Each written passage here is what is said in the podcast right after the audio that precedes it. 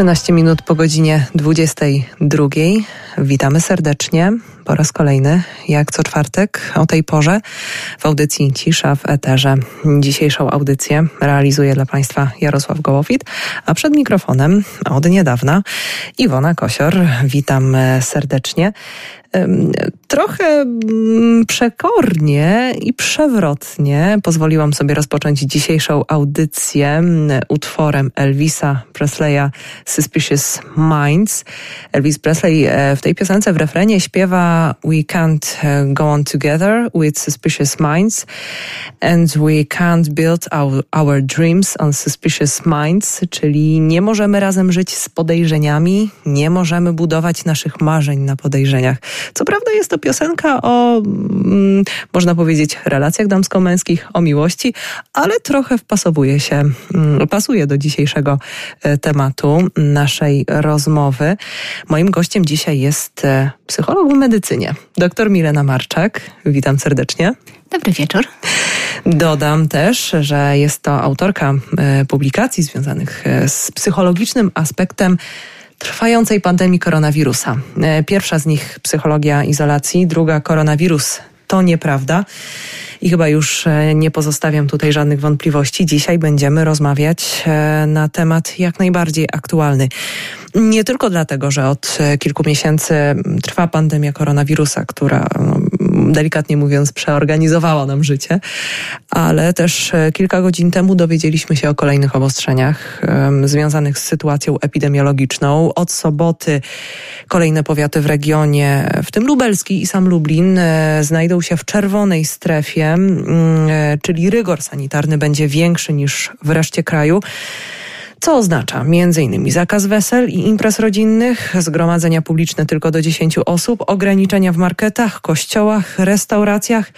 Bardzo tego wszystkiego dużo. I powiem szczerze, że dzisiaj po południu, zanim przeczytałam oficjalne informacje, doniesienia prasowe na ten temat, podsumowanie konferencji prasowej ministra mm, e, zdrowia, także premiera, mm, Najpierw zobaczyłam memy i komentarze na Facebooku moich znajomych. Te komentarze mało przychylne i, i trochę wyśmiewające wprowadzane obostrzenia, ale z drugiej strony też dostałam e, wiadomości prywatne typu słyszałaś, nie będzie można organizować wesel. Bardzo dobrze, w końcu e, racjonalne i dobre, rozsądne podejście do sytuacji.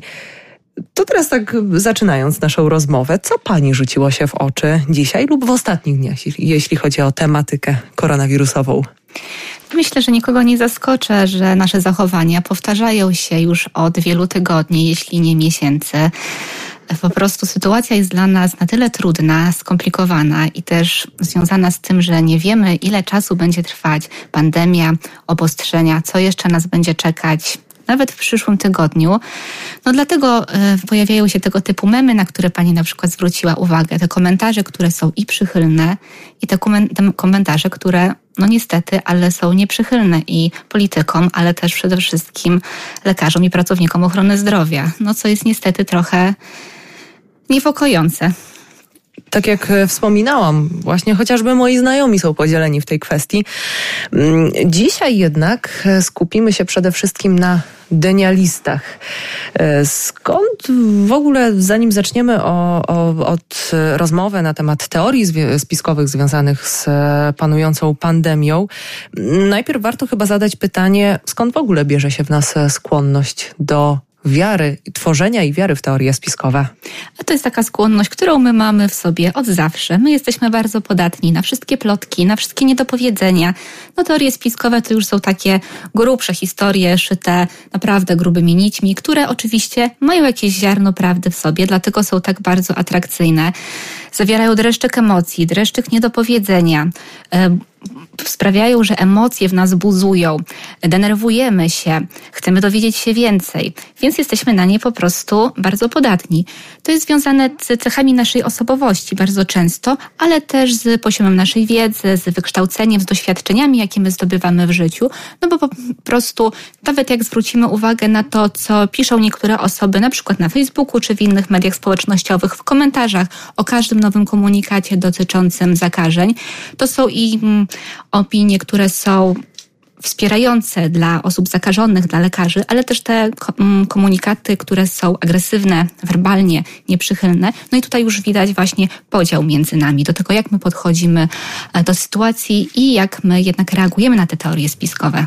Ja bym tutaj zaznaczyła, jeśli chodzi o teorie spiskowe, e, może taką pozytywną stronę. To e, po części chyba świadczy też o tym, że przynajmniej część e, społeczeństwa, osoby, które szczególnie interesują się tym tematem, podejmują próby przesiewania informacji, które do nich trafiają. Tylko odbywa się to z różnym skutkiem. Czy rzeczywiście można to nazwać takim pozytywnym, że tak powiem, aspektem tych teorii spiskowych? E, no to zależy, co rozumiemy przez przesiewanie, jakiego sita do tego mhm. użyjemy. E, bo jeżeli zwrócimy uwagę na to, jakiej jakości są te informacje później, no to czasami warto się jednak zastanowić, kto je napisał i w jakim celu. E, no, wierzymy w te wszystkie informacje, które są nam podane, ponieważ my mamy wysoki poziom lęku teraz, mamy taką tendencję do odczuwania strachu i nadajemy sens tym wszystkim wydarzeniom, które się dzieją dookoła nas. Dlatego, jeżeli my przeczytamy informację, która dotyczy na przykład trudności w dostania się do lekarza mhm. rodzinnego albo do szpitala. Jest prawdopodobna sytuacja, że coś takiego ma miejsce. Natomiast teorie i wyjaśnienia, dlaczego tak się dzieje, które są tworzone przez osoby, które nie mają nic wspólnego ze służbą zdrowia, które nie są lekarzami, które nie pracują w szpitalach, które nie mają w rodzinach lekarzy, no to są osoby, które no niekoniecznie mają coś do powiedzenia na ten temat, mhm. ponieważ my nie wiemy, czy to jest rzeczywiście prawda i dlaczego te osoby mówią takie rzeczy. Myślę, że e, tutaj można się zgodzić z takim powiedzeniem, że brak wiedzy e, wcale nie oznacza braku zdania na jakiś temat. I chyba dużo osób korzysta e, z takiej możliwości, właśnie wypowiadania się na tematy, które nie do końca znają. Ale no oczywiście ciężko jest mówić o tym, że każdy mm, będzie miał e, w jakimś stopniu doświadczenie w tym temacie. No nie jesteśmy wirusologami. Właśnie tak jak pani powiedziała, nie każdy ma w rodzinie mm, osoby, które są związane ze służbą zdrowia, ale nawet jeśli ktoś e, takie osoby w bliskim otoczeniu posiada, to też może możemy spotkać się z różnymi osobami e, w takim środowisku. E, będą osoby, które będą bardzo subiektywnie patrzyły na sytuację mm, e, w swoim miejscu pracy. Też jakby każdy oddział różni się stanem jakby zagrożenia też związanego z epidemią. Oczywiście sytuacja w szpitalach na pewno jest napięta, bo to jest pierwsza linia frontu, ale inaczej będzie wyglądała na sorze, inaczej będzie wyglądała na oddziale, który zajmuje się na co dzień przyjmowaniem innych pacjentów a inaczej na oddziale zakaźnym, więc, e, więc to też jest. E, chyba myślę, że to, co jest ważne, mm, opinia jednej osoby mm, nie powinna budować całego obrazu, e, o który opieramy nasze przekonania, prawda? Tak, to prawda, natomiast też zwróćmy uwagę na to, kim jest ta osoba, mhm. bo zwykle jeżeli opieramy opinię na podstawie tego, co mówi ta jedna osoba, a czasami tak jest, to uważamy ją za autorytet. Jeżeli to jest osoba, która na przykład jest lekarzem, no to oczywiście mamy pewne prawo, żeby wierzyć w jej doświadczenie i wiedzę. Ale niestety e, często w ostatnich latach pojawiły się takie społecznościowe autorytety, mhm. które na przykład możemy spotkać na na Instagramie albo na Facebooku różnego rodzaju piosenkarze, influencerki, które wiedzę czerpią z różnych nie do końca sprawdzonych miejsc. I niestety to, co one mówią, nie zawsze jest zgodne z prawdą, a tysiące, jak nie setki tysięcy młodych osób wierzą w każde słowo powiedziane przez ten jeden, właśnie jedyny autorytet. I później następuje blokada, że nie można już z nimi porozmawiać, nie dochodzą do nich żadne logiczne argumenty, nie chcą uczestniczyć w dyskusji, ponieważ ten jeden komunikat, tak przekazany przez influencera, mocno wpłynął na ich światopogląd, że oni wszystkie informacje, które będą następnie do nich docierać, będą dopasowywać jak klocki Lego do tego, co będą słyszały od tej, tej jednej właśnie osoby. Dlatego proponuję, że nawet jeżeli jest to influencer, któremu bardzo wierzymy, jeżeli jest to osoba znana z mediów, z telewizji, jeżeli jest to też naukowiec albo lekarz, jeżeli my mamy pewną dozę niepokoju, chcielibyśmy się dowiedzieć więcej na ten temat, no przecież mamy internet, mamy publikacje naukowe, zawsze możemy porozmawiać z innymi osobami i skonfrontować zdanie tej jednej osoby z tym, co mówią inni. Ale to już wymaga trochę więcej wysiłku. Zwłaszcza, że jeżeli e, mamy, no tak naprawdę mm, nie trudno znaleźć e, chociażby filmy e, informacyjne, może takie paradokumentalne na temat tego, co się dzieje, komentowane przez osoby, które często też nie ujawniają swojej, swojej tożsamości. Nie wiemy, czy to są osoby związane ze światem nauki, czy tylko pasjonaci tematu. Często też na przykład powołują się na różne badania naukowe. W takich filmach widzimy na przykład skany z jakichś dokumentów naukowych, e, z publikacji, artykułów, może też linki, które e, prowadzą do e, kilkudziesięciostronicowych opracowań w języku angielskim. No właśnie, chyba warto też pamiętać o tym, że umieszczenie tego typu materiałów w, w takich chociażby filmach czy obszernych artykułach nie zawsze oznacza to, że taki materiał jest rzetelny. Może nie oznaczać, ale jeżeli ja widzę, że e, artykuł naukowy albo film opiera się na jakimś zbiorze badań, jest podana bibliografia, jest podane nazwisko autora, tytuł publikacji, rok publikacji, nazwa czasopisma, w którym zostało opublikowane, no to ja już przynajmniej mam tą szansę dotarcia do tego źródła i zweryfikowania tego. Jeżeli ja bym oczywiście chciała sprawdzić i zadać sobie trud. Mhm. To jest to, o czym Dokładnie. pani powiedziała. E, natomiast oczywiście trzeba też zwrócić uwagę na to, że te wszystkie filmy, które widzimy na przykład na Netflixie e, albo na YouTubie, które pokazują nam skany, skany mózgu, mhm. E, zdjęcia płuc, które pokazują różne skomplikowane nazwy, które często może nie są nam znane. One mają wywołać w nas emocje, niepokój, mają nas zaciekawić. I to, że my coś widzimy na filmie, nie znaczy, że to jest co to, co jest rzeczywiście opisane. Po prostu obraz z opisem nie jest zawsze spójny. No, niestety. My to już jako odbiorca sami musimy dojść do tego i mieć tą refleksję w sobie, że nie zawsze autor przekaże nam to samo i my też nie zawsze zrozumiemy to, co autor chciał nam przekazać na tym filmie. Wydaje mi się, że też e, chyba tutaj dużą rolę odgrywa na przykład efekt potwierdzenia, e, że wyłapujemy te informacje, e, które są bliskie naszym już przekonaniom, które posiadamy i, i, i też wydaje nam się, że obiektywnie oceniamy treści, które, które otrzymujemy, ale jednak jest to ocena subiektywna. A oczywiście, my przecież żyjemy subiektywnie i mm, no ciężko nam w takich codziennych sytuacjach, zwłaszcza emocjonalnych, zachować ten obiektywizm i zdrowy rozsądek. Zwykle kierujemy się subiektywną oceną, dobierając to, co oglądamy, co czytamy, co piszemy. Kiedy skrolujemy Facebooka, no to jednak robimy to, bo my sami chcemy, a nie dlatego, że rzeczywiście e, jest to nam realnie potrzebne. Nasze emocje zwyczajnie tego potrzebują, jesteśmy zaciekawieni. Możemy się odciąć od tych e, informacji, mhm. zabezpieczyć się poznawczo, no ale tego nie robimy. Po prostu my chcemy cały czas jednak podbudzać te emocje związane z ze stresem, z lękiem. To troszeczkę jest destrukcyjne, ale mimo wszystko cały czas to podtrzymujemy. Natomiast e, ten subiektywizm, oczywiście efekt potwierdzenia jest bardzo silny. Nawet jeżeli czytamy artykuł naukowy, my sobie możemy wybrać informacje, które potwierdzą nasze mhm. założenia. To jest taki klasyczny błąd e, cherry picking, czyli wybieramy sobie wiśnie w sadzie albo jabłka, te, które nam akurat pasują. I to może się zdarzyć w badaniach naukowych, oczywiście nie powinno, ale może się zdarzyć. I to ma miejsce na co dzień, kiedy my oglądamy telewizję, czy czytamy artykuły, czy dotyczące pandemii, czy dotyczące czegokolwiek.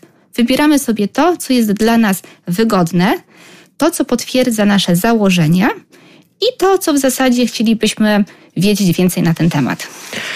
Wspomniała też Pani o tym, że e, to, to jest w ogóle dla mnie też osobiście bardzo e, zaskakujące i kontrowersyjne, że e, osobami, e, które często dostarczają nam e, informacji na temat e, obecnej sytuacji, na temat pandemii koronawirusa, na temat tego, czy lekarze postępują słusznie, czy nie, czy rząd podejmuje słuszne decyzje, czy nie, nie są profesorowie, nie są wirusolodzy, ale są to celebryci.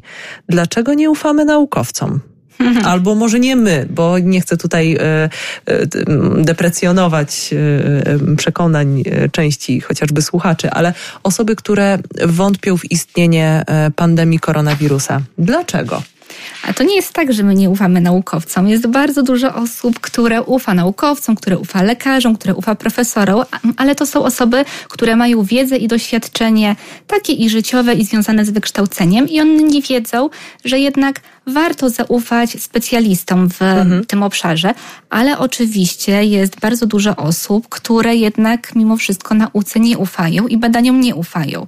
No i tutaj moglibyśmy też nawiązać do teorii spiskowych, ponieważ jeżeli e, pandemia koronawirusa jest czymś tak dużym, tak obciążającym nasze dotychczasowe funkcjonowanie, które zmieniło nasze życie w zasadzie w każdym obszarze, to wiele osób nie godzi się na proste i logiczne wyjaśnienia tej sytuacji i na proste rozwiązania oraz propozycje, które są proponowane czy przez profesorów, czy przez lekarzy, czy przez wirusologów. Po prostu duże zdarzenia przez społeczeństwa są traktowane jako takie, które wymagają dużych, emocjonalnych wyjaśnień. Nauka nie gwarantuje tego. W jeżeli chcielibyśmy przeczytać artykuł naukowy, jeżeli chcielibyśmy posłuchać, co profesor ma do powiedzenia, to on powie krótko w kilku zdaniach. Mhm. Proszę robić tak i tak, ponieważ tak i tak. Natomiast jeżeli chodzi o celebrytów, no to my tutaj mamy całe zabarwienie emocjonalne, e, nawiązanie do wielu emocji, do przeżyć naszych. Mm, w nauce nie ma na to miejsca nie ma miejsca na subiektywną ocenę po prostu. Mhm. I ze względu na to, że nie jest to tak atrakcyjne, emocjonalne, nie, no to niestety często odsuwamy się od tej nauki. No i czasami też skomplikowane. Na pewno e, autorytety naukowe e, też unikają e, zdawkowego, pobieżnego tłumaczenia tematu, żeby też jakby nie, mm, nie naruszyć e, swoje, swojej reputacji. Unikają mhm. też e, e, uproszczeń. To, to jest chyba też, też domena osób, które poświęcają całe swoje życie na zgłębienie jakiegoś tematu i dla nich ten temat jest ważny i nie chcą go traktować pobieżnie, a wiadomo, że to, co jest zbyt obszerne, zbyt długie, też nas szybko nudzi, zwłaszcza, że żyjemy w dobie takich czasów, kiedy te informacje są bardzo krótkie i bardzo szybkie i, i, i nie chcemy poświęcać dużo czasu na, na wgłębianie się w jakieś konkretne zagadnienie. Tak, to prawda. My chcemy szybko na temat, jak najkrócej. Najlepiej tak jak na TikToku, 15 sekund i kolejny. Ale to, co pani powiedziała, że naukowcy nie chcą wchodzić w szczegóły e, dotyczących właśnie pracy, omawiania danego zagadnienia, ponieważ mogą pominąć wiele istotnych kwestii. I to jest nawiązanie do tego, co Pani powiedziała na początku naszej rozmowy, że wiele osób uważa, że może wypowiedzieć się na każdy temat. Mhm. To jest tak zwane, nie znam się, to się wypowiem. Takie bardzo popularne e, w naszym społeczeństwie. I to jest bardzo takie popularne prawo psychologiczne, które nazywa się efektem Dunninga-Krugera. Mhm. W nim chodzi o to, że jeżeli my jesteśmy naukowcem, specjalistą w jakiejś dziedzinie, to my wiemy, ile my jeszcze nie wiemy mhm. na jakiś temat. I dlatego nie chcemy mówić ogólnie, nie chcemy używać jakiegoś skomplikowanego słownictwa, żeby po prostu nie zakopać się w tym jeszcze bardziej. A jeżeli ktoś jest laikiem i nie ma pojęcia, o czym mówi, to on wyciągnie niestworzone wnioski, bo nie ma pojęcia, jakie konsekwencje ma to, co w tym momencie powiedział.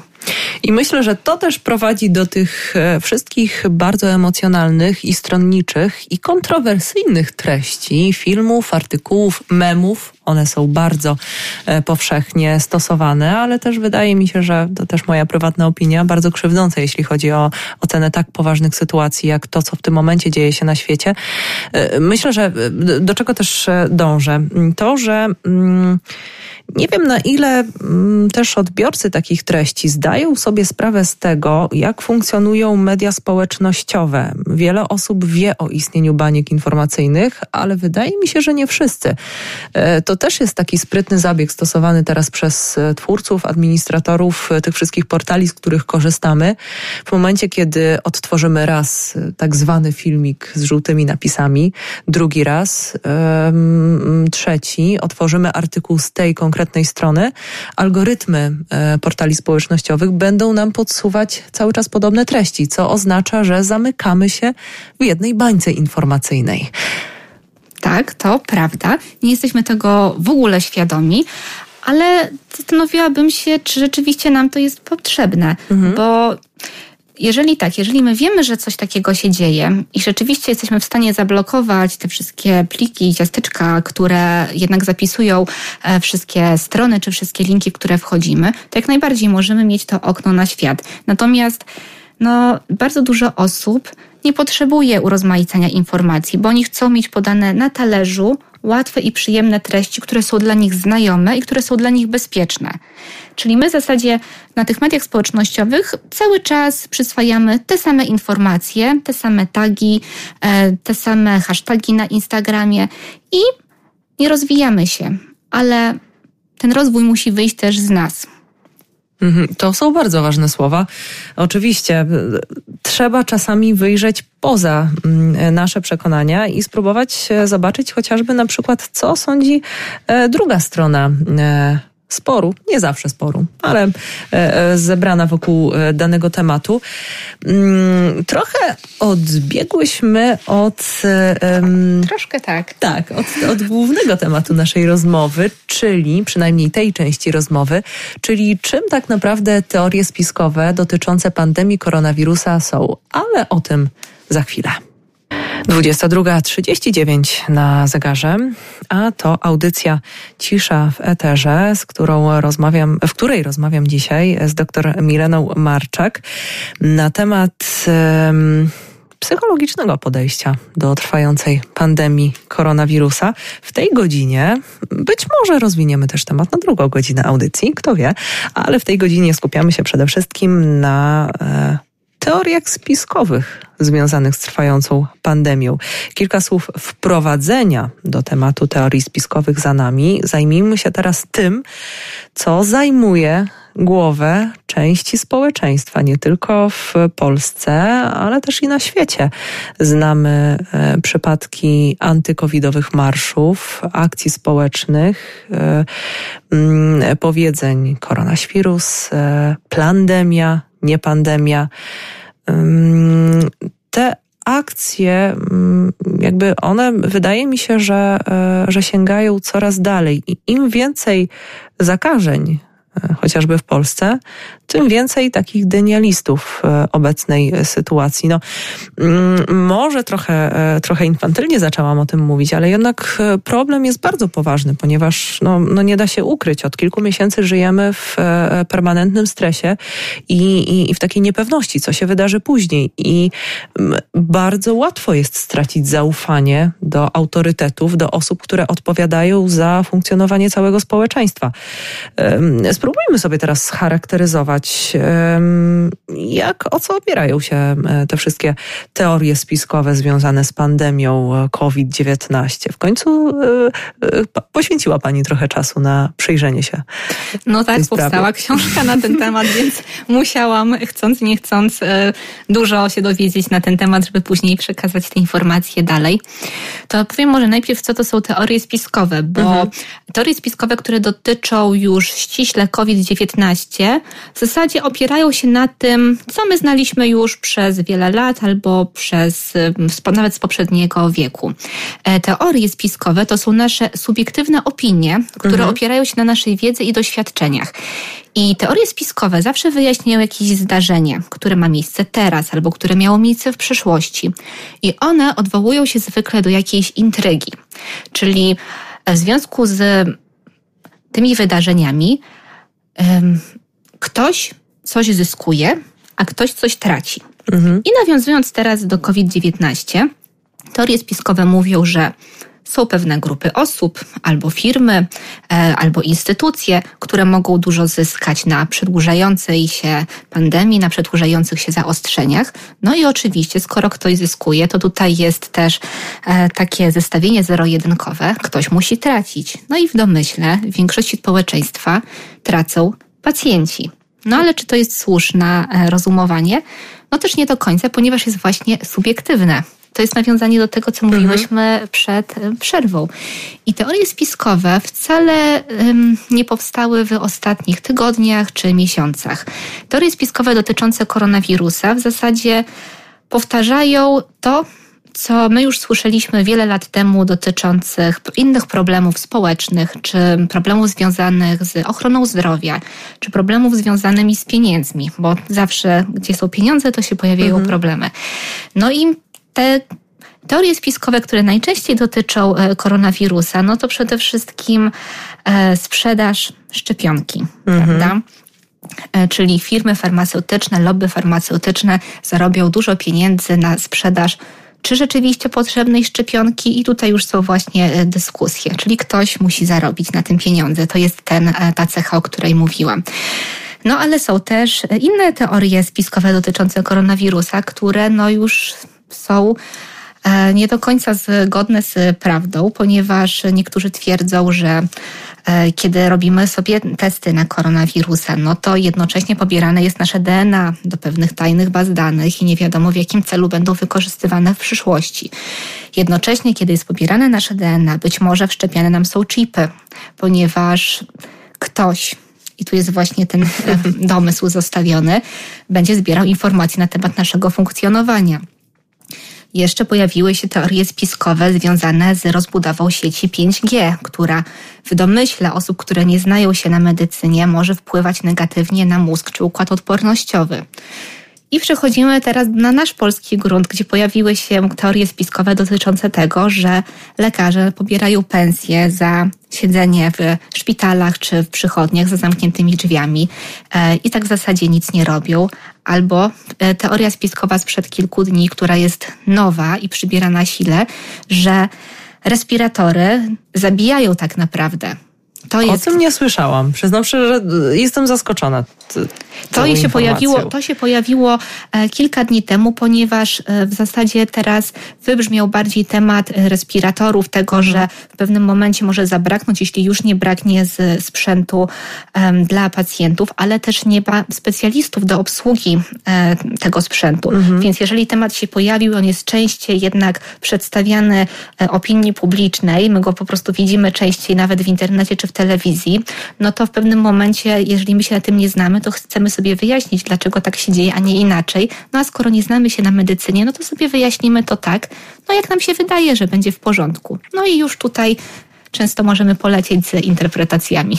Myślę, że też dużą rolę odgrywają osoby, e, które wydają nam się wiarygodne, a które przedstawiają kontrowersyjne, mało popularne albo niezgadzające się z główną linią e, argumentacji opinie. Na jeden z przykładów, dosłownie e, przygotowując się jeszcze do audycji, a w zasadzie sprawdzając informacje najnowsze na Facebooku, zauważyłam, że jeden jedna z osób udostępniła e, post um, napisany przez, e, rozumiem, ratownika medycznego. Zdjęcie opatrzone mężczyzną e, w karetce, w, w stroju ratownika medycznego i, i, bardzo, bardzo ostre słowa i bardzo e, ostre oskarżenia mm, w kierunku osób, które, e, które decydują, podejmują decyzje związane z, mm, z obostrzeniami, z trwającą pandemią. Także osoba, która reprezentuje służbę zdrowia, która podważa e, też. E, mm, podważa, y, może tak, y, deprecjonuje wagę mm, całej sytuacji, że, y, że osoby niepotrzebnie ubierają, umierają kosztem osób, które są leczone na koronawirusa, umierają inne osoby, że jest tych zgonów więcej, że więcej samobójstw, że to jest jego doświadczenie konkretne, ponieważ on rzeczywiście jeździ karetką i widzi, co się dzieje.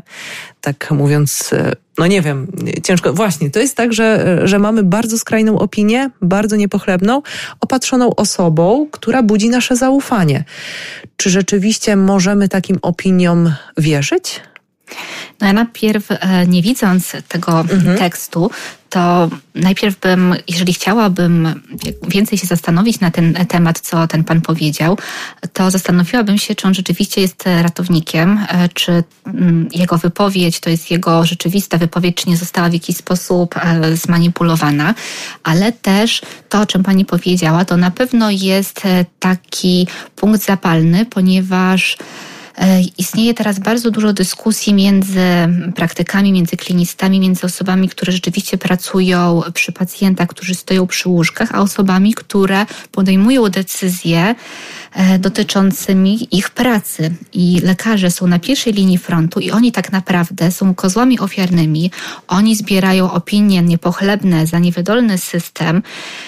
Natomiast czy lekarze nie mają prawa mhm. mówić o swoich doświadczeniach? No wydaje mi się, że jak najbardziej nawet powinni, bo oni już od kilku lat y, manifestowali to, że system ochrony zdrowia jest naprawdę w słabej kondycji i oni mówią o tym, co rzeczywiście widzą. I jeżeli oni o tym nie powiedzą, to my możemy o tym po prostu nie wiedzieć.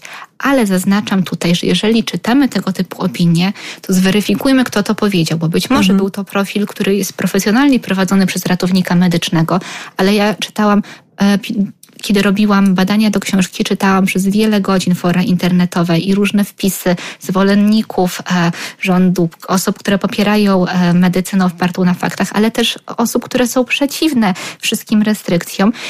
I osoby są różne. Niektóre spe specjalnie chcą wprowadzić w błąd i zmanipulować. Co z tego, że ktoś jest podpisany, tutaj powiem tak przekornie e, Karol, Karol e, Krawczyk mhm. i powie, że on jest ratownikiem medycznym, kiedy ja nie mam pojęcia, czy on rzeczywiście taką funkcję może pełnić. A jest bardzo dużo osób, które przeczytają taką informację i uwierzą mu. Dlaczego nie? I później no już idzie pewnego rodzaju plotka, która niekoniecznie dobrze może e, opowiadać o służbie ochrony zdrowia. Dokładnie. Ja odnosząc się do tej e, konkretnej sytuacji, do tego konkretnego przykładu, no mogę też powiedzieć, że oczywiście mój pierwszy odruch po przeczytaniu już, e, już tego posta e, to było sprawdzenie profilu tej osoby. Wydała mi się wiarygodna, że rzeczywiście to jest fizyczna osoba, to jest ratownik medyczny, który też, ja chciałabym tu też podkreślić, że, mm, bo nie wiem, może któryś z słuchaczy domyśla się, może miał do czynienia z tym konkretnym wpisem, ale mm, chciałabym bardzo podkreślić, że oczywiście to nie była osoba, która jakby głosiła wprost teorie spiskowe, ale wypowiadała się niepochlebnie na temat e, sytuacji, wątpiła w podejmowane e, decyzje, wątpiła na przykład w zaradność sanepidu. I, I chodzi mi o to, że takie opinie chyba też mogą e, być wykorzystywane przez zwolenników bardzo skrajnych teorii spiskowych jako przykłady. Zobaczcie, to jest człowiek z pierwszej linii frontu. On mówi jak jest. Tak, natomiast jest tutaj też pewna wybiórczość w takim razie, mhm, ponieważ dokładnie. E, lekarz e, czy ratownik mówi, jak jest w jego pracy i on przekazuje te informacje dalej, żeby po prostu ludzie wiedzieli, że nie wszystkie sytuacje zależą bezpośrednio od niego, że on jest w całym systemie, że tam pracuje wiele osób, to są różne miejsca, nie każdy jest osobą decyzyjną, niektórzy wypełniają to, co po prostu jest im nakazane z góry, więc oni tylko pokazują, że nie są osobami odpowiedzialnymi za na przykład mm, kolejki przed szpitalem, kiedy trzeba długo czekać. Ale oczywiście tego, tego typu wypowiedzi mogą być wybierane przez e, zwolenników teorii spiskowych, ponieważ oni po prostu wyłapują sobie to, co chcą, aby potwierdzić. Wy, wyłapują po prostu z całego kontekstu. Może to być jedno zdanie, może być też cała wypowiedź, ale domyślam się, że na profilu tego pana jest wiele innych wartościowych treści i jeżeli ktoś tylko chce, może otworzyć kolejny post i zobaczyć, jak rzeczywiście wygląda sytuacja, skonfrontować kilka postów, bo zapewne e, teraz też sama wiem, że wielu lekarzy i ratowników codziennie pisze posty, aby tak w zasadzie uświadamiać społeczeństwo, jak wygląda sytuacja. E, no, żeby troszeczkę nas edukować. Mhm. A teraz trochę takie przewrotne pytanie. Czy um, nazwijmy to antykowidowcy, bo tak też nazywa się osoby, które, e, które wątpią w istnienie pandemii, w istnienie też koronawirusa. Jedna chociażby e, z teorii e, głosi, że koronawirus SARS-CoV-2, bo to też warte podkreślenia, to nie jest jedyny wirus nazywany koronawirusem, to jest cała grupa tak. wirusów, a ten konkretny, o którym teraz rozmawiamy, nosi nazwę SARS-CoV-2 i powoduje konkretną chorobę, czyli COVID-19. To też są często mieszane pojęcia i jakby e, poczuwam się też w odpowiedzialności jako osoba przekazująca informacje, żeby to precyzować. Mm, też mm, właśnie to, co jest, co jest ważne, osoby, które mm, negują istnienie tego i właśnie jedna z teorii głosi to, że że, że wirus nie został, on nie, nie ma pochodzenia biologicznego, e, ale został stworzony, sfabrykowany gdzieś w, w laboratoriach. No, tutaj nie trudno jest znaleźć e, wypowiedzi naprawdę mm, wiarygodnych osób, e, naukowców, którzy bardzo łatwo opala, obalają te opinie. Są bardzo różne teorie spiskowe, tak jak powiedziałyśmy, ale właśnie wracając do mojego przewrotnego pytania, które chcę zadać. Czy, czy możemy od, e, od antykowidowców, od osób, które wątpią, czegoś się też nauczyć? Może jest jakaś dobra strona um, tworzenia takich teorii spiskowych i rozpowszechniania ich? Ciężko mi teraz powiedzieć, co pozytywnego moglibyśmy się nauczyć od osób, które są przeciwnikami um, tych wszystkich restrykcji, które są bardzo często um, ogłaszane dla naszego dobra. Ja osobiście e, patrzę na to jako na brak dialogu pomiędzy mhm. zwolennikami i przeciwnikami, ponieważ utworzyły nam się tutaj dwie oddzielne, bardzo często wrogie grupy. I brak jest tutaj wzajemnego porozumienia, dialogu i też otwartości na to, co mówią inni. E, kiedy patrzę na wypowiedzi e, antykowidowców, mam wrażenie, że oni są zamknięci na jakiekolwiek na jakiekolwiek argumenty, na jakiekolwiek rozmowy. Oni chcą na siłę przekonać do swoich racji, wybiórczo wybierając argumenty, które w zasadzie mogą potwierdzać ich słuszność myślenia, ale często to są argumenty wyjęte z kontekstu. No na pewno możemy się od nich uczyć determinacji, bo bardzo często e, i te marsze, i wypowiedzi no, są mhm. takim e, pokazaniem siły i solidarności pewnej grupy osób, ale łączenie się w takie grupy wzajemnego, tak jakby wsparcia, wsparcia grupy, które zbierają ludzi, które, które są podobni pod względem tez, które głoszą, pod względem zachowań. To jest taki naturalny mechanizm społeczny, naturalny mechanizm socjalizacji. Po prostu lubimy przebywać wśród osób, z którymi się zgadzamy, które są do nas podobne i w ten sposób utworzyły się właśnie, czy też fora na Facebooku, mhm. takie antykowidowe, czy też marsze antykowidowe. W grupie jest nam po prostu raźniej i czujemy się mocniej. Dlatego szukamy poparcia u innych osób. Natomiast czy jest to dobre?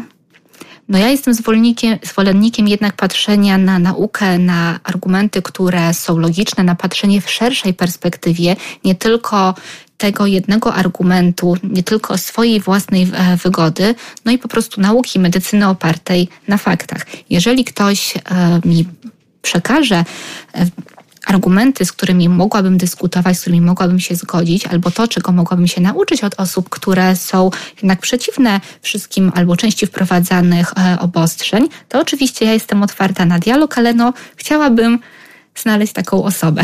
Mhm. Wspomniała Pani o tym, że e, e, ta sytuacja, też takie może zaryzykuję trochę ostre słowa, ale zacietrzewienie w poglądach polaryzuje społeczeństwo. Jak ta obecna sytuacja, e, pandemia koronawirusa i to, że mamy z jednej strony mm, e, mm, osoby, które negują pandemię, z drugiej strony osoby bardzo mocno, e, wręcz nawet przewrażliwione na tym punkcie mm, i do jak dużych podziałów społecznych to prowadzi i jak na dłuższą metę, czy, czy może nam to mocno zaszkodzić i jeszcze bardziej podzielić społeczeństwo? E, oczywiście jest taka e, możliwość, natomiast podziały społeczne były zawsze, są i będą. One po prostu w przeciągu ostatnich tygodni czy miesięcy przybrały na sile i my widzimy pewne grupy społeczne, które się jeszcze bardziej wyodrębniły i umocniły w całym naszym życiu społecznym. My normalnie dzielimy się na grupy, czy to są grupy zawodowe, czy grupy związane z płcią, czy zainteresowaniami, czy z dietą, e, jaką stosujemy. Natomiast no niektóre grupy teraz cały czas się powielają w mediach, w rozmowach, w internecie, więc my jesteśmy na nich ściśle skoncentrowani i uważamy, że one są w tym momencie ważniejsze, jeżeli chodzi na arenę życia społecznego. No i mamy grupy lekarzy, pacjenci. Mhm. I to są dwie oddzielne grupy. I my zapominamy często, że zarówno lekarz może być przecież czyimś pacjentem, ale to już jest nieważne, ponieważ my już podzieliliśmy w swojej percepcji e, na wszystkich na lekarzy i na pacjentów, albo na osoby, które są związane z ochroną zdrowia i wszystkich, którzy tracą na tym. Mogą być też to osoby, które są zakażone, które przebywają na kwarantannie, albo te osoby, które nie przebywają na kwarantannie. To mogą być osoby, które stosują się do zaostrzeń, które zakrywają nos i usta. I to są osoby, które nie noszą maseczek i się temu sprzeciwiają. To jest taka najsilniejsza teraz mhm, grupa, tak, którą możemy zobaczyć. No ale są inne grupy, o których w tym momencie jakoś mniej się mówi, ale jeszcze miesiąc czy dwa miesiące temu to był główny temat rozmów w mediach. To są osoby, które w wyniku albo w trakcie pandemii straciły pracę, i osoby, mhm. które jej nie straciły, a jest jeszcze trzecia grupa, czyli osób, które wzbogaciły się na tym, ponieważ też są takie osoby. Czas pokazuje, że pewne grupy po prostu są bardziej widoczne, ale podział jest jak najbardziej naturalny, ponieważ my zawsze będziemy się utożsamiać z osobami, które są nam bliższe pod względem zachowań, pod względem postaw pod względem e, opinii, jaką mamy. I automatycznie my będziemy się zbliżać i trzymać z tymi osobami, które się z nami zgadzają, bo one potwierdzają nasz tok myślenia. Subiektywny, ale skoro ktoś go potwierdza, to my czujemy się jeszcze silniejsi w tym. Dlatego tak silnie łączymy się w grupy, czy to w mediach społecznościowych, na Facebooku, w komentarzach, czy na marszach, o których Pani wspomniała.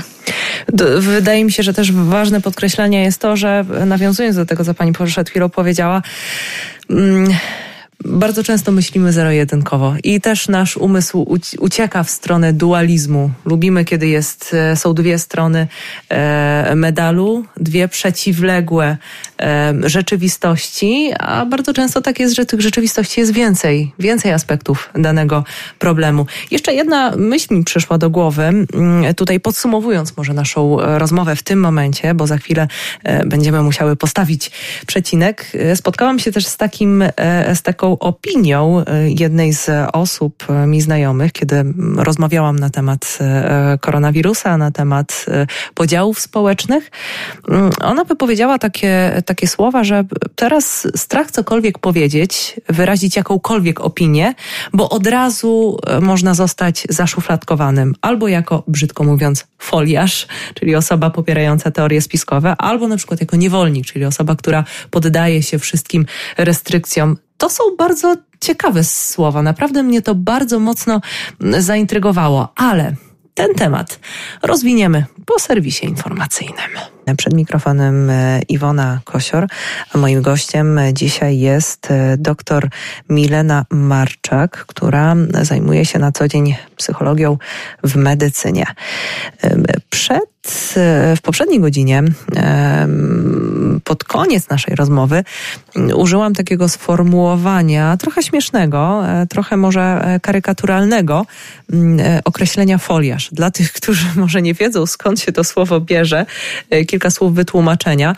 E, potocznie zwykło się ostatnio tak nazywać osoby, które mają skłonności do wiary w, w, w teorie spiskowe. A dlaczego foliarz? E, to się bierze, to jest akurat bardzo taki e, popkulturowy symbol. Mm, nie wiem, e, czy część z Państwa, mam nadzieję, że widziała film e, bardzo popularny e, z Melem Gibsonem i Joaquinem Phoenixem pod nazwą Znaki. To, to jest film o inwazji obcych, którzy mieli zdolność czytania ludziom w umysłach i przed tym czytaniem w umysłach chroniły takie foliowe, aluminiowe czapki. I stąd określenie na osoby, osoby, które, e, które wierzą w teorie spiskowe, ale nie da się ukryć, że nawet w samym brzmieniu i po zarysowaniu, skąd się to określenie wzięło, no, można łatwo wysunąć wniosek, że jest to określenie pejoratywne. Mm, I tutaj e, przed przerwą też e, poza anteną e, dyskutowałyśmy na ten temat, że mm, takie określenia mogą powodować, prowadzić do głębszych podziałów społecznych i one trochę chyba odczłowieczają. Trochę tak, ponieważ odzieramy ludzi z ich takich przedmiotów podmiotowych e, i traktujemy ich przedmiotowo, czyli utożsamiamy je albo ich e, teraz tak ostro mówiąc ze zwierzętami, czyli często nazywamy mhm. innych baranami, które idą ze stadem albo na rzeź, albo owcami, które też nie mają w sobie żadnego pomyślunku idą, nie zastanawiają się, tak jak ktoś im powie, to one to zrobią. Natomiast myślę, że warto się tutaj zastanowić, Dlaczego my jednak posługujemy się takimi epitetami, czy też dlaczego możemy zauważyć agresję werbalną, czy też czasami fizyczną, jeżeli chodzi o takie sytuacje na ulicy, które występują pomiędzy osobami, które są zwolennikami i przeciwnikami e, teorii spiskowych? No podziel, podział społeczeństwa jest bardzo silny, natomiast jest dużo osób, które jednak potrafią z pewną kulturą, odnosić się do drugiego człowieka, bo jeżeli my z kimś dyskutujemy jesteśmy w ogromnych emocjach, oczywiście myślę, że każdemu zdarzyło się powiedzieć coś niecenzuralnego. Natomiast zastanawiające jest to, że jeżeli my siedzimy w domu, oglądamy telewizję, pijemy herbatę albo kawę i piszemy na forach internetowych nieprzyjemne rzeczy, lekko mówiąc, o osobach, które nie zgadzają się z nami i nieważne, czy to jest zwolennik, czy przeciwnik teorii spiskowych, zaostrzeń, czy obostrzeń. Jeżeli my wypowiadamy się niepochlebnie o drugim człowieku, to w zasadzie co nami kieruje? Czy jest rzeczywiście, my mamy powody, aby w tak negatywny sposób oceniać drugą osobę, bo my nie wiemy, kim ona jest, nie wiemy, w jakiej jest sytuacji życiowej, jakie ma doświadczenia, e, dlaczego napisała takie rzeczy. I te dyskusje toczą się po prostu godzinami. Ludzie mhm. siedzą i wylewają z siebie żale, pretensje. Jest to pewien rodzaj takiego katarzis, oczyszczenia, natomiast nie każdy jest w stanie znieść tą krytykę społeczną, która się na niego wylewa, często bezpodstawnie. Mhm. E, co jest też e, bardzo ważne, e, tutaj dotknęłyśmy znowu tematu emocji, bo to często emocje nami kierują, w zasadzie bardzo często i też w przypadku tych dyskusji, które bardzo często prowadzą do kłótni, chociażby w internecie, można się śmiać ze zwolenników teorii e, spiskowych i można e, podchodzić do tego z przymrużeniem oka, ale teraz chciałabym e, podejść do tego tematu mm, bardzo mocno na poważnie i zastanowić się nad motywacjami osób, które, które wierzą w takie teorie, bo na pewno trzeba jedną bardzo ważną rzecz przyznać. To są też osoby, które boją się tej sytuacji, która nas zastała, które może czują rozczarowanie e, względem autorytetów e, społecznych, moralnych, e, autorytetów związanych z władzą, które miały zapewnić bezpieczeństwo, a tego bezpieczeństwa nie ma. To, że, że mamy różnych naukowców, którzy głoszą różne opinie na temat samej pandemii koronawirusa, to, że nie znamy tak naprawdę tego w cudzysłowie wroga, E, z którym walczymy, no podstawy, moim zdaniem, tutaj tych teorii spiskowych, no one są też poważne i one, one biorą się e, z, z takiego mm, sposobu też na, na przetrwanie i, i na ochronę tego, co jest dla tych osób najważniejsze. Tak, teorie spiskowe to jest taki mechanizm uspokajający. Mhm. One teraz bardzo mocno wybrzmiały, ponieważ my nie wiemy, co się dzieje dookoła nas. Są sprzeczne informacje, jesteśmy zalewani e, codziennie nowymi informacjami. Nie wiemy też czasami, komu wierzyć, w co wierzyć. Ciężko nam poświęcić czas, energię na selekcję tych informacji, więc kierujemy się do teorii spiskowych, ponieważ one działają na nas jak taki naturalny mechanizm uspokajający. Ich zadaniem jest uczynienie sensownym tego, czego my nie rozumiemy i my szukamy po prostu potwierdzenia w naszej wiedzy, w naszym doświadczeniu, w tym, co jest nam bliskie. Jeżeli my mamy wysoki poziom lęku, to mamy taką tendencję do odczuwania strachu przed utratą kontroli. I ta utrata kontroli jest teraz bardzo silna, e, jeżeli chodzi o ostatnie tygodnie czy miesiące. Mhm. Wiele osób straciło pracę, wielu osób, e, wiele osób nie może skorzystać z wizyty u lekarza planowej czy kontrolnej. E, nie możemy pojechać na takie wakacje, jakie byśmy chcieli albo jakie sobie wymarzyliśmy. Nie możemy pójść do sklepu w godzinie, którą chcemy, na przykład teraz, kiedy są specjalne godziny dla osób starszych wyznaczone. To wszystko powoduje, że niektóre osoby odczuwają, że straciły kontrolę nad pewnymi aspektami swojego życia, nad ważnymi aspektami, ponieważ one dotyczą codzienności, codziennie podejmowanych decyzji i tego, do czego my tak naprawdę jesteśmy przyzwyczajeni i było naszą normą. W związku z tym, jeżeli ta rutyna nasza została zaburzona. My szukamy substytutów, które mogą nam zastąpić poczucie kontroli. Dlatego, jeżeli my mamy zewnętrzne nakazy, które nam mówią, kiedy co możemy tak naprawdę robić, żeby zachować bezpieczeństwo społeczne i epidemiologiczne, to wtedy my będziemy szukać sobie takich sytuacji, w których my subiektywnie będziemy decydować o swoim życiu. I najczęściej to się dotyczy faktu noszenia albo nienoszenia masek, ponieważ one są najbardziej widoczne w naszym codziennym życiu. Jeżeli my nie mamy wpływu na wiele rzeczy, w ciągu ostatnich tygodni, które dotyczą naszej pracy, naszego zdrowia, naszego życia rodzinnego, odbierania dzieci z przedszkola czy szkoły, albo nawet posyłania, pójścia na studia albo nie, no to my sobie poszukamy sytuacji, w których stwierdzimy, że my jednak jesteśmy decyzyjni i my mamy prawo podejmować decyzję taką, jaką my chcemy. I to jest takie ostre manifestowanie swojej niezależności. To jest na wytłumaczenie jedno z wielu, dlaczego ten problem w noszeniu i nienoszeniu masek tak mocno wybrzmiał w ostatnim czasie. Tak właśnie miałam o tym wspomnieć, że to też jest, to też jest e, sposób na to, żeby e, zamanifestować, że myślę inaczej niż inny, inni. Nie jestem tym stadem, nie jestem tą owcą pędzącą e, tam, gdzie inne owce. A jeszcze właśnie zwrócę uwagę na pewną rzecz. To jest moja osobista refleksja, która się wzięła z pisania książki na ten mhm. temat. Osoby, które są przeciwne noszeniu maseczek i stosowania się do wielu zaleceń, jako argument podają to, że prawo, konstytucja jednak y, nie, tutaj nie nakazuje tego, żeby te maseczki nosić, więc oni tego robić nie będą. I tym sposobem oni manifestują to, że jednak są decyzyjni, nie mhm. myślą tak jak wszyscy. Ale jednocześnie w tym toku myślenia jest pokazanie, że oni tak naprawdę są osobami, które są zewnątrz sterowalne, czyli oni czekają na zewnętrzne rozporządzenie, moc prawną, która ich w zasadzie zmusi do tego, aby te maski założyć. Teraz oni mówią, że mają wybór, ale jednak odwołując się do tego, że nie, że nie ma takiego prawa, nawet jak dostanę mandat, mogę się odwołać do sądu, a każdy sąd um, mnie jednak mhm. mimo wszystko uniewinni, no to jednak tu jest pokazanie, że czekamy na to, aby ktoś nami tak naprawdę pokierował. To jest tak oczywiście moja taka refleksja, jeżeli chodzi o obserwację zachowań społecznych. Bardzo ciekawa, nie patrzyłam e, na to w ten sposób.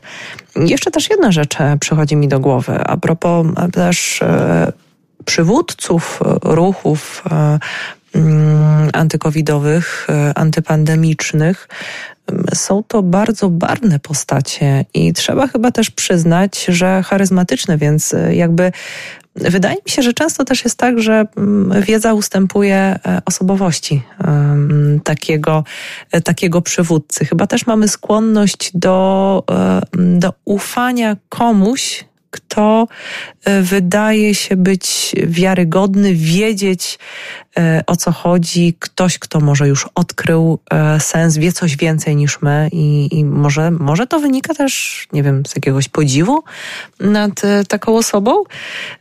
No właśnie, ale jeżeli chodzi o, mm, o samą tematykę i tego, jak dużo informacji do nas trafia i skąd biorą się też wątpliwości, myślę, że warto teraz tutaj skupić się na trochę innym temacie powoli będziemy odchodzić od tematu samych teorii spiskowych. I jeszcze chciałabym się skupić w naszej dzisiejszej rozmowie na temat naszej psychiki i tego, jak ona została ukształtowana przez ostatnie e, miesiące.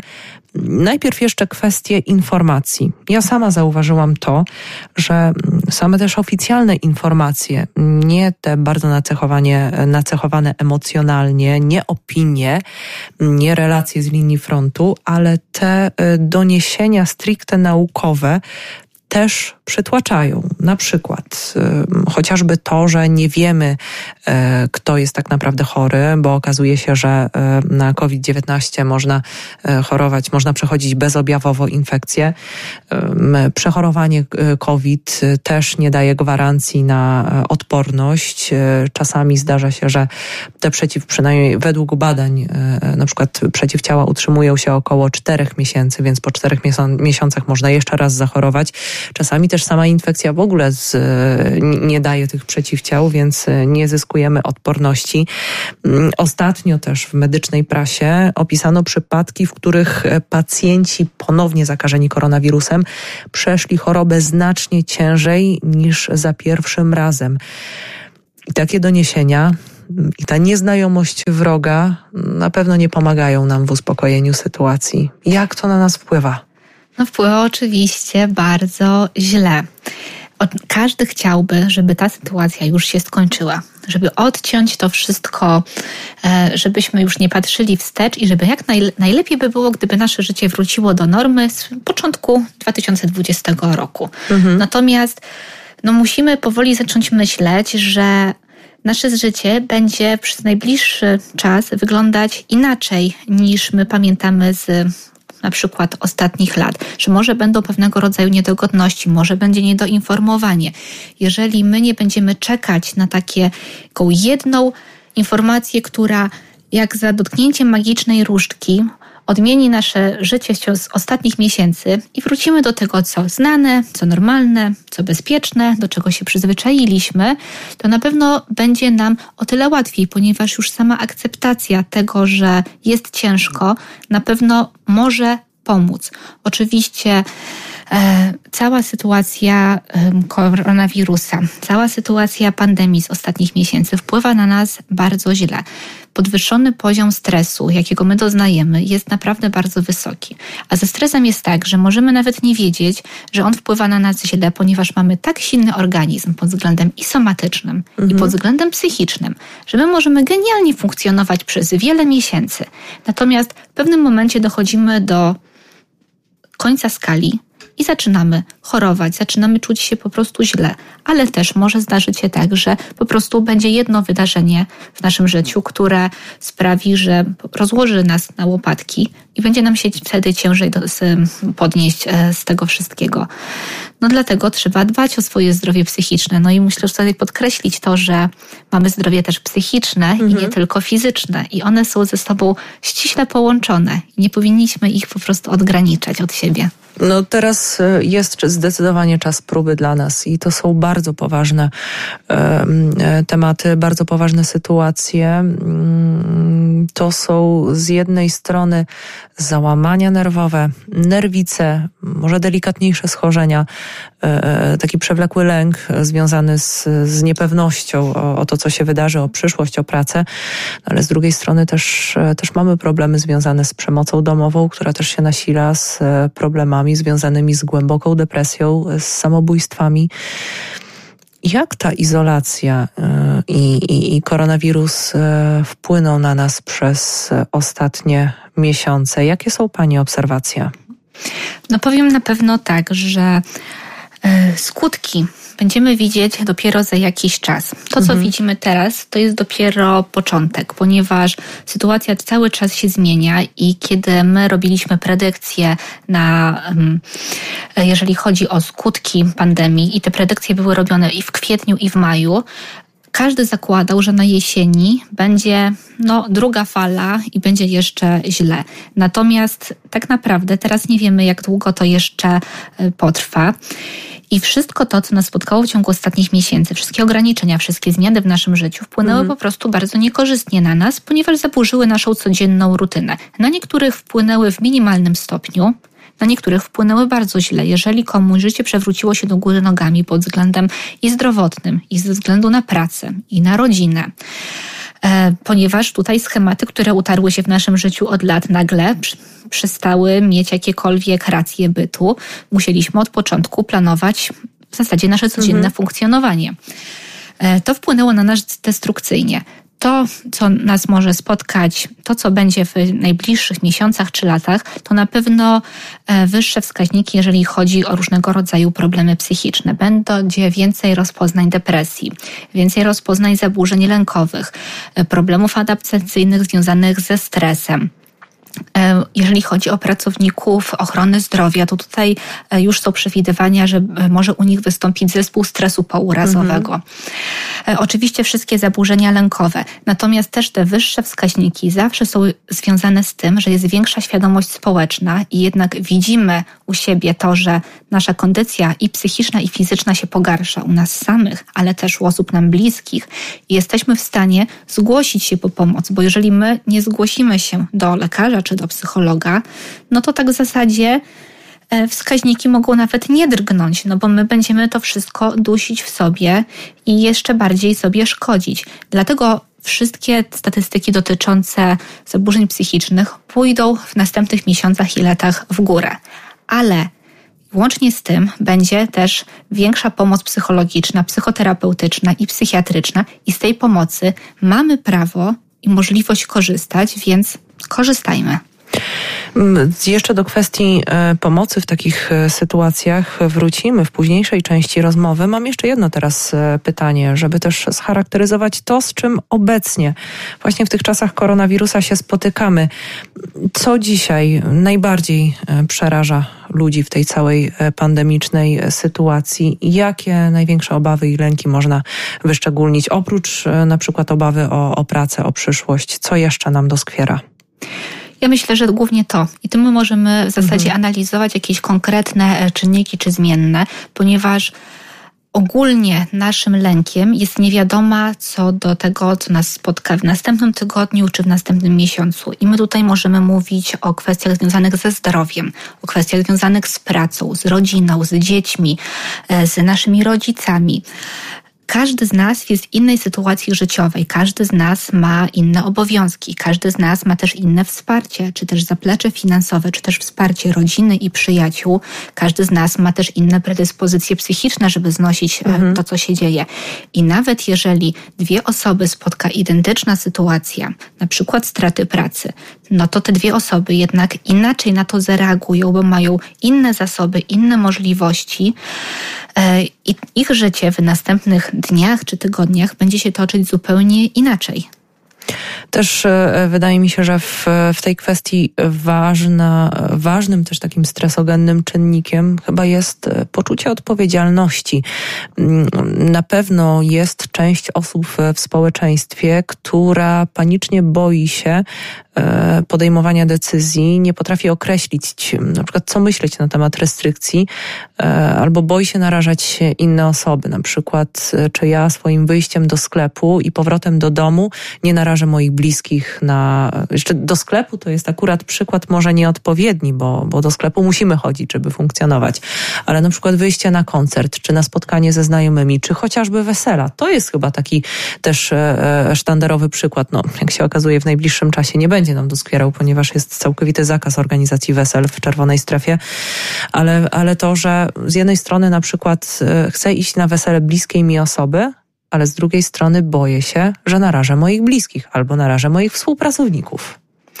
No to tutaj już mamy kwestię, która dotyczy zarówno nas, jak i innych mhm. osób, bo musimy się zastanowić, czy my podejmujemy decyzje ze względu na dobro swoje, i swoich najbliższych, na przykład osób, z którymi mieszkamy, czy na dobro osób, które nas na przykład zapraszają na tego typu uroczystość. E, ja tutaj nie chcę oceniać żadnej mhm. ze stron, natomiast powinniśmy jednak mimo wszystko stawiać swoje własne granice, które są komfortowe dla nas. I jeżeli my nie mamy z tym problemu, aby odmówić komuś ze względu właśnie na dobro swoje własne, powinniśmy tak jak najbardziej to zrobić. Oczywiście zaczynamy się zastanawiać, jak zareaguje druga strona, jeżeli mhm. chodzi o ten ślub i wesele, jak zareagują Państwo młodzi, jak zareagują inni goście weselni. No ale ja wracam do tego, co przed chwilą powiedziałam. W tym momencie zadbajmy tak naprawdę o siebie, bo my w tym momencie poświęcamy swój komfort psychiczny, żeby ktoś się poczuł lepiej. I zastanówmy się, zróbmy sobie bilans, czy naprawdę warto to jest bardzo ważna uwaga, naprawdę istotna i przydaje, przyda się chyba nie tylko w kontekście koronawirusa i podejmowania e, decyzji z tym związanych, ale ogólnie w życiu. Mm, e, też mm, wydaje mi się, że jeżeli chodzi o walkę, uporanie się z, z lękami, z tą ciemną stroną e, tej niepewnej sytuacji, mm, przede wszystkim ważną rolę odgrywa uświadomienie sobie i nazwanie lęków, które nas dotykają. Ale z drugiej strony ważne jest też to, w jaki sposób e, mówimy i rozmawiamy o, o tej sytuacji. Ale o tym za chwilę. Na zegarze 20.35, e, a my w audycji Cisza w Eterze razem z dr Mileną Marczak rozmawiamy o pandemii koronawirusa i o tym, jak rozmawiać o pandemii. Ostatnio wiele moich e, rozmów na temat obecnej sytuacji epidemicznej e, kończy się słowami dobrze, nie gadajmy już więcej o tym, e, nie ma co się dołować. No właśnie, jak rozmawiać o pandemii, żeby sobie nie zaszkodzić? No ja myślę, że ta rozmowa tak się skończyła, ponieważ mm, jednej i drugiej stronie w pewnym momencie albo zabrakło argumentów, albo chęci do usłyszenia i zrozumienia, co mówi druga strona. No bo każdy mhm. tak naprawdę może mówić, co chce, natomiast szanujmy zdanie drugiej osoby. Na pewno dobrą radą, jeżeli chodzi o rozmowy na temat e, całej tej sytuacji, która e, zaburzyła nasze życie w ostatnich miesiącach, to jest wyzbycie się wszystkich emocji. No to jest trudne, ale jeżeli w trakcie rozmowy sobie uświadomimy w pewnym momencie, że my czujemy się niekomfortowo, że czujemy spięcie albo jesteśmy zdenerwowani, no to po prostu odetchnijmy głęboko i postarajmy się jednak mimo wszystko nie używać słów, które są nacechowane emocjonalnie, nie używać przekleństw, nie używać epitetów, które umniejszają wartość drugiej osoby. Jeżeli rozmawiamy, no to używajmy logicznych argumentów i słuchajmy, co druga strona ma do powiedzenia. Ja zawsze mówię o tym, żeby iść do brzegu albo płynąć e, do źródła. Czyli po prostu jak rozmawiamy na ogólnikach, to my nigdy nie dojdziemy do żadnych sensownych wniosków. Zawsze powinniśmy tak od ogółu do szczegółu coraz bardziej schodzić i w ten sposób możemy nawet w takiej luźnej rozmowie, nie mając pojęcia o medycynie, czy nie znając się na wirusach, czy nie mając pojęcia o psychologii, zawsze możemy dojść do ciekawych i fajnych wniosków, ale jednak mimo wszystko musimy tak jakby się koncentrować na konkretnym zachowaniu, żeby je nazwać, a nie oceniać. To jest bardzo ważne, zwłaszcza jeżeli mówimy tutaj o, o dyskusjach osób, które e, stoją po um, dwóch stronach barykady, tej, tej naszej mentalnej, ideologicznej barykady. Chociaż nie, to, to ideologia to też jest słowo bardzo, e, bardzo e, wykorzystywane aż zanadto ostatnimi czasy. Więc e, cofnijmy to. Wcale tak nie powiedziałam. Ale e, to jest jeden aspekt. Ale rozmawiając o koronawirusie i o sytuacji e, pandemicznej, to są też często rozmowy, w zasadzie wymienianie trosk. I, i takie rozmowy, które mają na celu no, porozmawiać o tym, co czujemy. Jak tutaj kierować taką rozmową? Na przykład, jeżeli, jeżeli czujemy, że nasz rozmówca jest w trudnej sytuacji, w patowej sytuacji, boi się bardzo tej rzeczywistości i e, coraz bardziej wpędza się w takie no, bardzo pesymistyczne myśli, może też depresyjne stany, bo rzeczywiście może dotyka go poważny problem. Jak rozmawiać?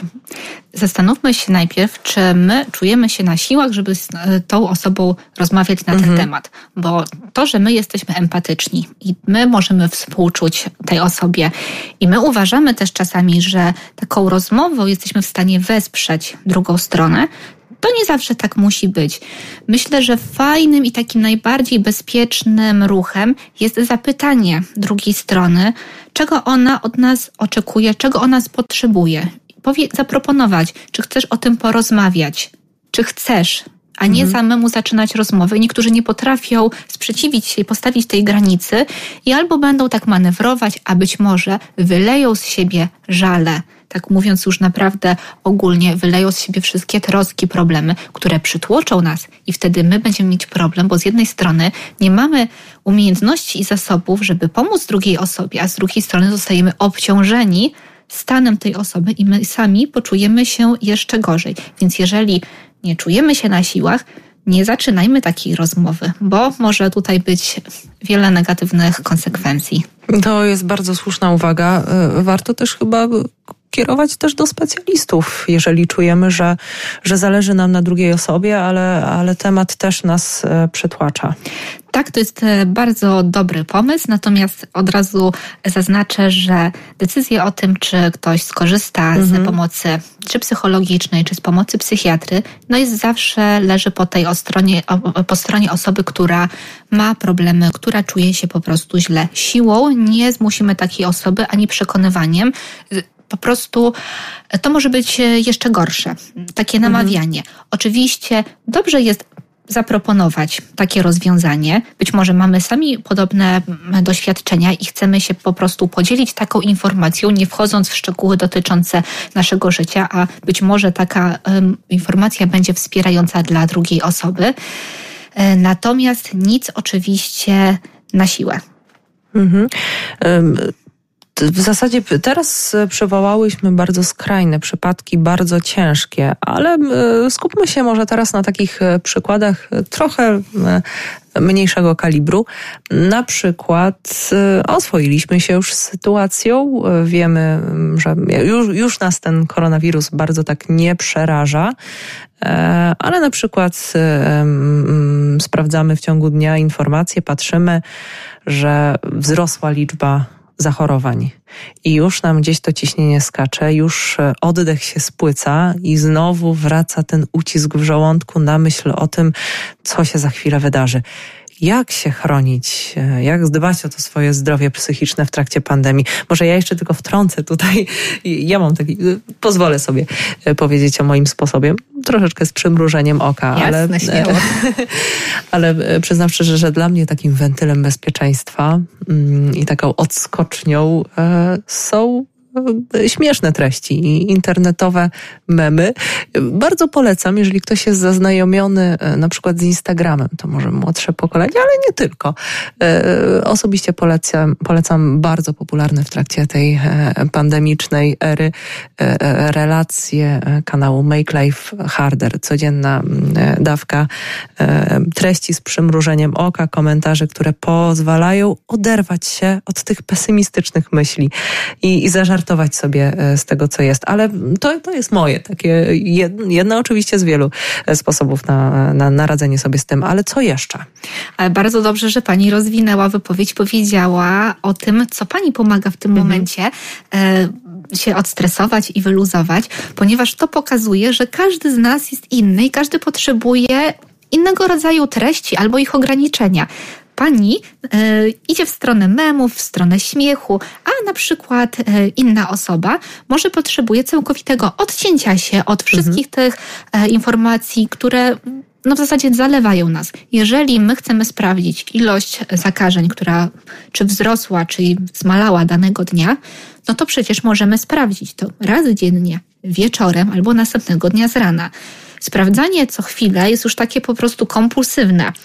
E, to nie prowadzi do niczego. To jest też takie nasze przyzwyczajenie, że my musimy być cały czas doinformowani, my cały czas musimy mieć telefon w dłoni, cały czas musimy zerkać do internetu i na media społecznościowe. Wydaje nam się, że wtedy nie żyjemy jak co chwilę nie sprawdzimy. Natomiast to cały czas powoduje, że ten stres mimo wszystko w nas narasta. Ale każdy ma inne potrzeby i inne zasoby. Jedna osoba pójdzie w memy, druga osoba pójdzie w odcięcie informacji, ja proponuję również e, autorefleksję, wyciszenie, mhm. E, ćwiczenia oddechowe, ćwiczenia związane z jogą, które możemy wykonać na podłodze w domu. Nie potrzebujemy żadnych specjalnych e, do tego przyrządów, specjalnych ćwiczeń. Oczywiście istnieje wiele tutoriali na YouTubie, darmowych, z których warto skorzystać. Istnieje coś takiego jak trening autogenny Schulza czy relaksacja Jakobsona. To są treningi, które relaksują nasze ciało, uczą nas oddechu i w ciągu kilku minut w domu, ale też nawet w pracy możemy fajnie obniżyć poziom stresu i po prostu poczuć się lepiej. Dobrą radą jest to, aby próbować, zobaczyć, co służy innym i spróbować. Jeżeli nam się to nie spodoba, nic się nie dzieje. To jest sukces, ponieważ już wiemy, co nie jest dla nas fajne i po prostu robimy sobie miejsce na coś, co się po prostu bardziej sprawdzi akurat dla nas. Ja bym jeszcze teraz e, trochę zmieniła może temat, znaczy dalej pozostając e, w temacie radzenia sobie z tym, e, z tym zalewem informacji, ale trochę z innej strony. Mm, też chyba jakby może szerszego spojrzenia na informacje, którymi się karmimy. Nawet te statystyki dotyczące zachorowań. Tak naprawdę, co nas przeraża w tych liczbach? Chyba to też jest, tak mi się wydaje, to jest też może mnie pani skorygować oczywiście, jeżeli gdzieś, gdzieś za bardzo zabrnęłam Zobaczymy. meandry moich przemyśleń, ale mm, no na pewno robi wrażenie w negatywny sposób to, że, że mm, kilka miesięcy temu przerażała nas, e, nas liczba 300 zakażeń dziennie. E, teraz tych zakażeń mamy zdecydowanie więcej, już ponad 8 tysięcy. To jest no, wielokrotnie więcej niż te kilka miesięcy temu. No ale właśnie, o czym to nam mówi? Czy 8 tysięcy osób zakażonych, na przykład, mm, czy to jest dużo, czy mało? Chyba też warto sobie zadawać takie pytania. E, a też z drugiej strony nie warto może, jeżeli dla kogoś źle działają liczby i statystyki, to może lepiej to odstawić i też nie, nie porównywać ze statystykami z innych krajów. Może też warto pamiętać o tym, że e, każdy kraj ma inną strukturę społeczną, inny e, przekrój. Jedne społeczeństwa są bardziej starzejące się, populacja inaczej się rozkłada, e, gęstość zaludnienia. To wszystko jest bardzo ważne tak, jeżeli my czytamy statystyki, powinniśmy umieć to robić, albo mhm. przynajmniej mieć podstawy, żeby wiedzieć, czy dane, które są przedstawione na wykresach, czy w tabelach, czy zestawieniach, mają jakikolwiek dla nas sens. Bo my patrząc na te same tabele, możemy e, w zasadzie zwrócić uwagę na zupełnie inne wskaźniki, na zupełnie inne liczby. E, ostatnie miesiące pokazują, że nie wszyscy potrafią czytać e, dane i statystyki. One też nie zawsze są przedstawiane w prawidłowy sposób. Oczywiście, jak liczby są coraz większe, no to robi na nas wrażenie, no bo ponieważ widzimy, że tutaj jednak tendencja idzie w górę. Natomiast czy jest to dużo, czy nie, no to tutaj musimy jednak e, odnieść się do czegoś. Natomiast ja nie jestem specjalistą tutaj akurat albo od mhm. statystyki, ani też od um, badań, które były prowadzone, jeżeli chodzi o zakażenia, więc nie powiem, czy to jest dużo, czy mało, ale mówię, e, nawiązując do tego, co powiedziała Pani, my porównujemy sobie i analizujemy te liczby tak, jak nam się wydaje, czyli e, zwracamy uwagę na to, że tych zakażeń jest więcej, więc już nam się wydaje, że jest źle. I to jest nasza też taka subiektywna opinia dotycząca naszej zasadzie wiedzy i doświadczenia. Możemy porównać statystyki z innymi krajami. Ale czy ma to sens? No pani powiedziała już, że nie biorąc pod uwagę takich zmiennych pośredniczących mhm. jak e, wiek um, społeczeństwa, kultura, e, czy też interakcje międzyludzkie, e, które zachodzą między społeczeństwem, ciężko jest przełożyć nasze dane polskie i nasze polskie zachowania i przepisy na dane, które są w innych krajach, na przykład Europy. A to bardzo często teraz w rozmowach jest podejmowane. Model szwedzki, model mhm. polski, e, plusy i minusy. No to są dwa zupełnie różne kraje i różne warunki. Jakie to są różnice? No to już tutaj odsyłamy do danych, aby się zapoznać, jeżeli chodzi o e, antropologię i o dane społeczne. Natomiast na samych cyfrach, no bez zrozumienia kontekstu, nie powinniśmy się opierać, bo możemy po prostu nadinterpretować często. To w takim razie, może z Pani doświadczenia, gdzie warto szukać informacji? Ja oczywiście preferuję badania, które mają podstawy naukowe, które opierają się na medycynie opartej na faktach, tak zwanej evidence-based medicine. W internecie istnieją portale, które są płatne, ale też bezpłatne, które mhm. oferują dostęp do literatury fachowej, no literatury naukowej. To są portale typu PubMed, to jest ResearchGate. To są mm, strony konkretnych wydawnictw albo czasopism naukowych. Wystarczy wpisać sobie w Google nazwę czasopismo naukowe albo badania naukowe, zobaczyć definicję i my już wiemy, na co zwracać uwagę, kiedy czytamy jakąkolwiek informację, którą możemy znaleźć w internecie. Bo nawet może się okazać, że wartością naukową jest blog, ale musimy mhm. wiedzieć, czy osoba, która go prowadzi, ma podstawy do tego, żeby wysnuwać pewne wnioski, czy ona korzysta ze sprawdzonych źródeł.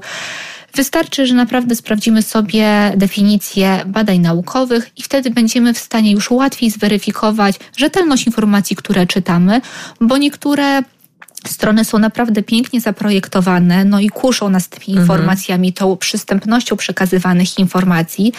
No ale czy przystępność idzie zawsze za jakością? Ono idzie z klikalnością zazwyczaj. Tak, warto też zwrócić uwagę tutaj na to, że e, no niestety, ale mamy coraz więcej e, portali e, internetowych, które są nastawione na produkcję fake newsów. O tym się jeszcze nie mówi dużo w naszym społeczeństwie, ale wydaje mi się, że polskie media mają z tym duży problem, że są strony internetowe, które nie zależy na przekazywaniu rzetelnych informacji, tylko na wprowadzaniu i, i jakiegoś, no też tutaj wracamy chyba do tematu polaryzowania społeczeństwa. Oczywiście takie strony istnieją. W Polsce od dawna. To mhm. są wszystkiego rodzaju serwisy plotkarskie, to mhm. są wszystkie strony e, clickbaitowe, które wykorzystują chwytliwe tematy, aby użytkownik kliknął w temat i przeczytał, co tam jest napisane. Czy tam jest jakaś wartość? Być może jest dla czytelnika wartość rozrywkowa, być może jakaś wartość informacyjna, to już zależy od tego, czego oczekuje dana osoba. Natomiast oczywiście jakość tych treści jest różna, no i my sami weryfikujemy, czego potrzebujemy, czego szukamy, na co jesteśmy nastawieni. Oczywiście często jesteśmy zmęczeni po pracy i chcemy sobie poczytać jakieś treści łatwe, lekkie i przyjemne, nawet które dotyczą e, tak poważnych tematów jak COVID, to chcemy mhm. jednak przyswoić te informacje w taki sposób najmniej obciążający nas poznawczo, żebyśmy po prostu przeczytali to, co jest najważniejsze, żeby było napisane lekkim językiem. Ale to, co jest napisane w taki sposób, no nie zawsze jest zgodne z prawdą. No ale to już musimy sobie sami z tego mhm. zdawać sprawę. Albo ktoś nam o tym powie, albo się sami o tym przekonamy. To mam nadzieję, że, że jeżeli ktoś e, ma do czynienia z takimi e, informacjami, z takimi źródłami informacji, to prędzej czy później przekona się, skąd te źródła pochodzą. Dobrze, e, powiedziałyśmy tutaj o, o samych informacjach, skąd je czerpać. Jeszcze chciałabym na koniec zwrócić raz do tematu, jakby do tej kwestii psychologicznej Powiedziała też Pani o tym, że mm, no, jakby nastawianie się na to, że w pewnym momencie, nie wiem, przyjdzie nowy miesiąc i nagle pandemia zniknie, wszystko wróci do normy, to nie jest najlepsza droga. Jak w takim razie nastawiać się na te najbliższe miesiące? Jak przygotować się na tę rzeczywistość, która jeszcze nas czeka? No bo no nie, nie można się oszukiwać. To i ta sytuacja jeszcze będzie trwała. No będzie trwała na pewno, ale nie wiemy jak długo. No mhm. i też każdy z nas ma inną pracę, inne obowiązki, więc jednej złotej recepty tutaj dać nie mogę. Na pewno tym, czego nie powinniśmy robić, to nie powinniśmy koncentrować się jedynie na złych wiadomościach, na katastrofizowaniu, czyli na e, skupianiu się na negatywnych aspektach związanych z pandemią, na tym, co my straciliśmy, tylko mimo wszystko, że dookoła nas dzieje się dużo złego, mamy bardzo dużo stresów, to zwróćmy uwagę na to, czego się nauczyliśmy, mhm. co dobrego wynieśliśmy z danej sytuacji. Bardzo dużo jeszcze na początku kwietnia mówiło się o tym, że izolacja społeczna mm, wpłynie negatywnie na osłabienie więzi międzyludzkich. Natomiast okazało się, że jest dużo komunikatów mówiących o tym, że teraz zaczęliśmy spędzać ze sobą więcej czasu, nawet w tych czterech ścianach domowych, gdzie poprawiły się relacje między rodzicami a e, dziećmi, między sąsiadami. Mhm. I na przykład mogę powiedzieć y, jedną z takich ciekawszych informacji, że badania pokazują, że zaczyna nam się wykształcać trzeci sposób na radzenie sobie ze stresem, ponieważ do tej pory my skoncentrowaliśmy się na analizach dotyczących walki i ucieczki, czyli jeżeli mhm. mamy dyskomfort, no to albo stawiamy czoła wrogowi, no albo jednak wycofujemy się i unikamy konfrontacji, żeby po prostu się nie denerwować. W ciągu ostatnich miesięcy zaczął wykształcać się trzeci typ radzenia sobie ze stresem, który polega na tym, że my poprzez angażowanie się w pomoc innym osobom, podnosimy swoje samopoczucie, ponieważ wytwarza nam się wyższy poziom oksytocyny w mózgu, czyli hormonu szczęścia, hormonu, który się wytwarza u rodziców, u matek, które karmią dzieci. Kiedy my niesiemy pomoc innym osobom, kiedy angażujemy się społecznie, wtedy nasze hormony po prostu szaleją. To jest nowe odkrycie i cały czas badane, ale to jest taka pozytywna rzecz, której wcześniej nie wiedzieliśmy o tym, że coś takiego istnieje, albo po prostu to mocno nie wybrzmiało. No, wydaje mi się, że to po prostu bierze się też z tego, że y, trudne doświadczenia są trudne i nieprzyjemne, ale są potrzebne. Nie da się uniknąć e, stresu, nie da się uniknąć przeciwności. Trzeba po prostu się z nimi zmierzyć i wyciągnąć to, co najważniejsze. Myślę, że też tutaj jest taka trudność w nas um, wynikająca z tego, że my przyzwyczailiśmy się do naszej codziennej rutyny. Po prostu mhm. wstawaliśmy rano, szliśmy do pracy albo do szkoły czy na studia, później jakiś obiad, sklep, zrobienie zakupów, wracaliśmy do domu i ten schemat się powtarzał codziennie, z tygodnia na tydzień i my czuliśmy się w tym schemacie bezpiecznie. Mhm. Nieważne, czy to było dla nas komfortowe, czy my się męczyliśmy chodząc do tej pracy, e, czy męczyliśmy się chodząc do szkoły, czy na studia. To, co znane, jest zawsze mniej obciążający. My boimy się zmian, boimy się wyjść ze swojej strefy komfortu, która nie jest nigdy, i wychodzenie z tej strefy nie jest nigdy przyjemne. My raczej jako psycholodzy zalecamy poszerzanie. Minimalne po milimetrze, ale nie wychodzenie. Mhm. Takie drastyczne kroki nigdy nie są dla nas dobre. No ale niestety sytuacja pandemii spowodowała, że my musieliśmy zrobić ogromny krok do przodu, więc z tej strefy momentalnie wyszliśmy i my się powoli, powoli zaczynamy dopiero z tego otrząsać. Myślę, że już e, powoli możemy podsumować e, naszą e, dyskusję. Jedna myśl na koniec nasuwa mi się, ale, ale muszę ją wyartykułować. To też w nawiązaniu do, do tego, od czego zaczynałyśmy naszą rozmowę, czyli kwestii związanych z, z teoriami spiskowymi, z polaryzacją społeczeństwa, z, to, że, z tym, że, że też tego typu dyskusje no niestety budzą w nas wrogość i pogłębiają te podziały. Mm, wydaje mi się, że też warto e, w całej tej sytuacji, żeby nie zwariować i żeby nie narobić sobie e, wrogów wśród osób bliskich, ale też i nie tylko, osób, których nie znamy, warto pamiętać o, o empatii i szacunku do osób, które myślą inaczej, które z jednej strony boją się koronawirusa i chcą się chronić, może dla nas irracjonalnie, absurdalnie, a z drugiej strony też osób, które e, zaprzeczają, nie wierzą w teorie spiskowe, bo to też skądś wynika i też trzeba mieć szacunek do, do takich osób, które, e, które mają, można tak powiedzieć, odwagę e, wątpić. Dziękuję bardzo za naszą dzisiejszą rozmowę na temat pandemii i tego, jakie jest psychologiczne podłoże tego, co nami kieruje w, w ostatnim czasie i tych wszystkich emocji pozytywnych i negatywnych, e, tego, czego doświadczamy. Rozmawiałam z psychologiem w medycynie, dr Mileną Marczak. Dziękuję serdecznie za Dziękuję. rozmowę. A ja nazywam się Iwona Kosior. Audycję realizował Jarosław Gołofit. W audycji Cisza w Eterze słyszymy się za tydzień o tej samej porze.